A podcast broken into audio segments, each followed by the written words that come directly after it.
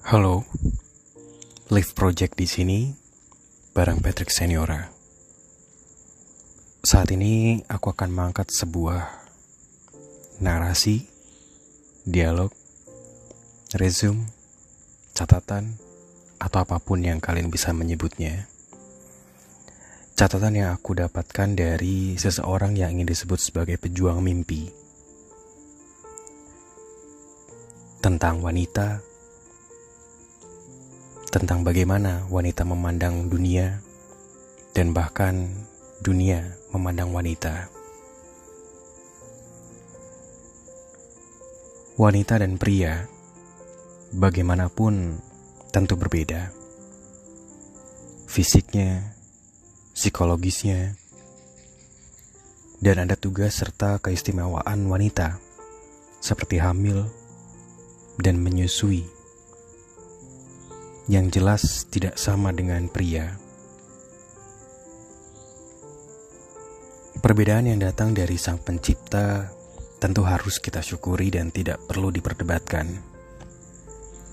Namun, beberapa pandangan, asumsi, serta budaya yang tidak semestinya dirundungkan pada wanita lah yang menjadikan kondisi bahwa persamaan gender itu omong kosong belaka. Masih teringat jelas, tepatnya saat aku lulus SMA, saat awal aku bergabung dengan organisasi yang seluruh anggotanya adalah wanita. Di mana hal pertama yang membuatku tetap bertahan adalah kenyamanan karena kami merasa semua sama. Hingga kenyamanan terus berlanjut dan mungkin tidak sadar Kinerjaku mulai diamati anggota lain dan menjadikan mereka memberiku jabatan demi jabatan. Di saat menjalani tanggung jawab inilah semua mulai terasa bahwa ada sesuatu yang aneh yang terbentuk di masyarakat kita tentang peranan wanita. Ada banyak pengurus terhalang bertugas hanya karena keluarganya mengeluhkan. Sejak dia menjabat di organisasi, dia seolah lupa kodratnya sebagai wanita untuk menikah. Dan anehnya, ketika pernikahan itu terjadi, kondisi menjadi berubah. Bahwa dia tidak bisa menjalankan tugas organisasinya karena terhalang izin suami terutama karena keaktifan seorang wanita dianggap membuatnya melalaikan tugasnya sebagai istri.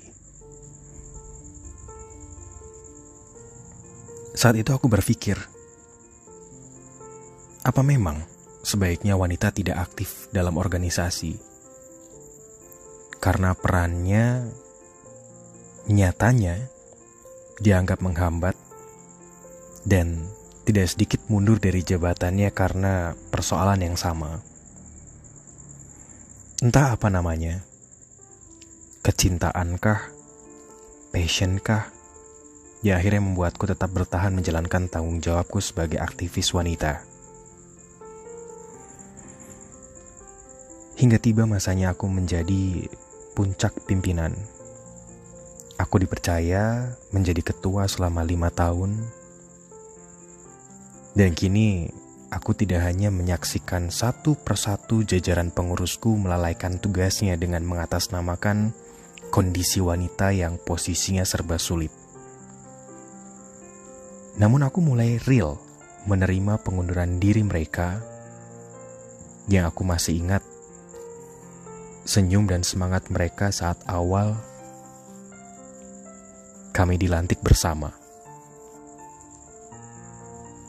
Kondisi ini membuatku semakin down. Di balik tanggung jawabku menjalankan program organisasi, hal yang terberat adalah merasakan kondisi bahwa aku gagal membangun tim. Tapi aku tahu. Kemudian aku mencoba berpikir bahwa kejadian ini tidak hanya terjadi saat aku menjadi ketua Bahkan jauh sebelum itu, habit ini sudah ada sejak aku menjadi anggota baru. Kondisiku down.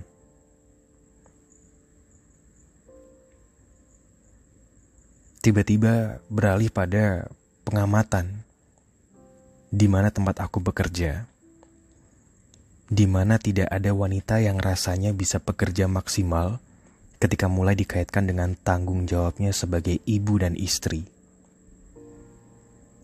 Dua buah peranan yang tidak semestinya mencampuri keprofesionalan dalam bekerja menurutku. Kenapa? Karena bekerja adalah pilihannya. Lalu aku beralih pada sebuah kesimpulan bahwa semua bergantung pada diri kita sendiri. Bagaimana kita mau berperan dan bagaimana kita mau menjadikannya kodrat sebagai wanita. Terutama menjadikan kodrat sebagai wanita untuk menjadi kelebihan atau justru malah menjadi beban. Maka jadilah saat itu, aku menyorakan dan mencoba mengajak teman seperjuanganku di organisasi untuk berperan sebisanya Jadikan keluargamu bangga karena kamu berperan, bukan sebaliknya. Some of them survive, dan aku sangat mensyukuri itu. Meski ada kejutan baru yang di luar prediksiku, mereka mulai menyerangku dengan asumsi yang mereka tularkan juga pada anggota yang lain. Apa asumsi itu? Ketuanya single, dia belum punya anak Bahkan dia belum menikah. Wajar kalau dia bisa. Aku mencoba mengabaikan mereka yang mulai terpengaruh. Aku mencoba mendekati para milenial yang single juga sama seperti aku. Dan apa kata mereka? Kamu mau terlalu sibuk dan berperan di luar seperti dia. Nanti kamu juga akan terlalu sibuk sehingga lupa menikah. Apa aku terganggu dengan cibiran mereka? Kalau itu terjadi, tentu aku sudah lama mundur dan bergabung dengan asumsi yang mereka buat. Nyatanya, alhamdulillah, sampai detik ini aku masih berusaha menjalankan tugasku.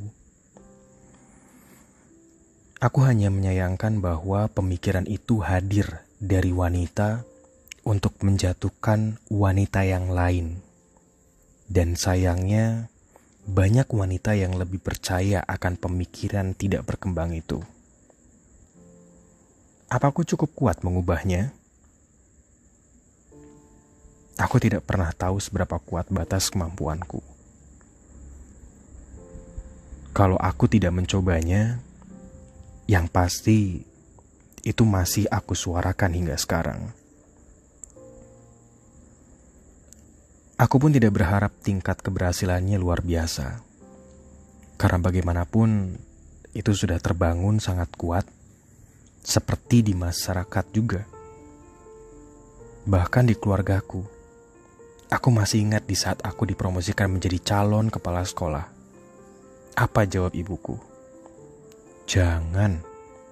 Kamu akan semakin fokus bekerja dan semakin lupa menikah. Maka akhirnya kondisi ini menyadarkanku bahwa yang harus dikuatkan saat ini adalah diriku sendiri. Sedangkan keluargaku, rekan sesama wanitaku, masyarakat, bahkan calon suami yang selama ini menjadi bagian ikhtiarku mencari jodoh, biarkan menjadi bagian dari hidup yang tidak harus aku paksa memiliki persepsi yang sama denganku. Karena aku ceritakan ini baru di lingkup organisasi dan pekerjaanku sendiri. Belum memasuki ranah posisi wanita dalam rumah tangga dan bahkan masyarakat luas. Yang terlalu banyak merugikan wanita akibat persepsi yang salah yang justru berkembang dan secara tidak sadar sesama wanitalah yang mengamini dan menumbuh suburkan asumsi merugikan itu. Bahwa tidak selamanya wanita harus memilih memilih keluarga atau karir, memilih jabatan atau keluarga, memilih menjadi ibu yang baik atau aktivis yang baik. Tidak perlu selalu disandingkan. Oh, karirnya bagus, tapi sayang ya, dia bercerai. Oh, dia aktivis, tapi sayang, belum menikah. Kalau kamu wanita, bantulah dirimu sendiri untuk berperan tanpa kamu tindihi beban yang lain yang mengatasnamakan kodrat wanita. Kalau kamu adalah wanita, dukunglah saudaramu sesama wanita jika dia berkiprah dan berperan baik. Tidak perlu kamu ulik prestasinya dengan mencari cacat di bagian lain yang mengatasnamakan kodrat wanita dan kamu sudah pasti pria hebat. Jika kamu mau berbesar hati, maju bersama, tanpa bersyarat merendahkan posisi prestasi wanitamu demi kamu terlihat lebih tinggi. Karena partner itu bertumbuh bersama, bukan merasa bersaing, dan lagi-lagi menggunakan alasan kodrat wanita untuk memenangkan persaingan itu.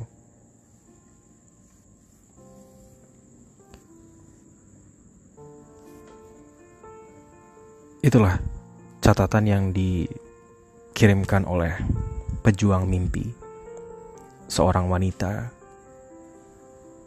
yang mengupas tentang keadaan wanita, masyarakat, dan bahkan dunia. Sebagai wanita,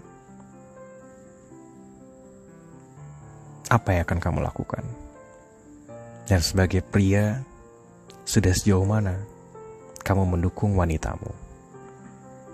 Aku Patrick Seniora untuk Live of You, The Live Project.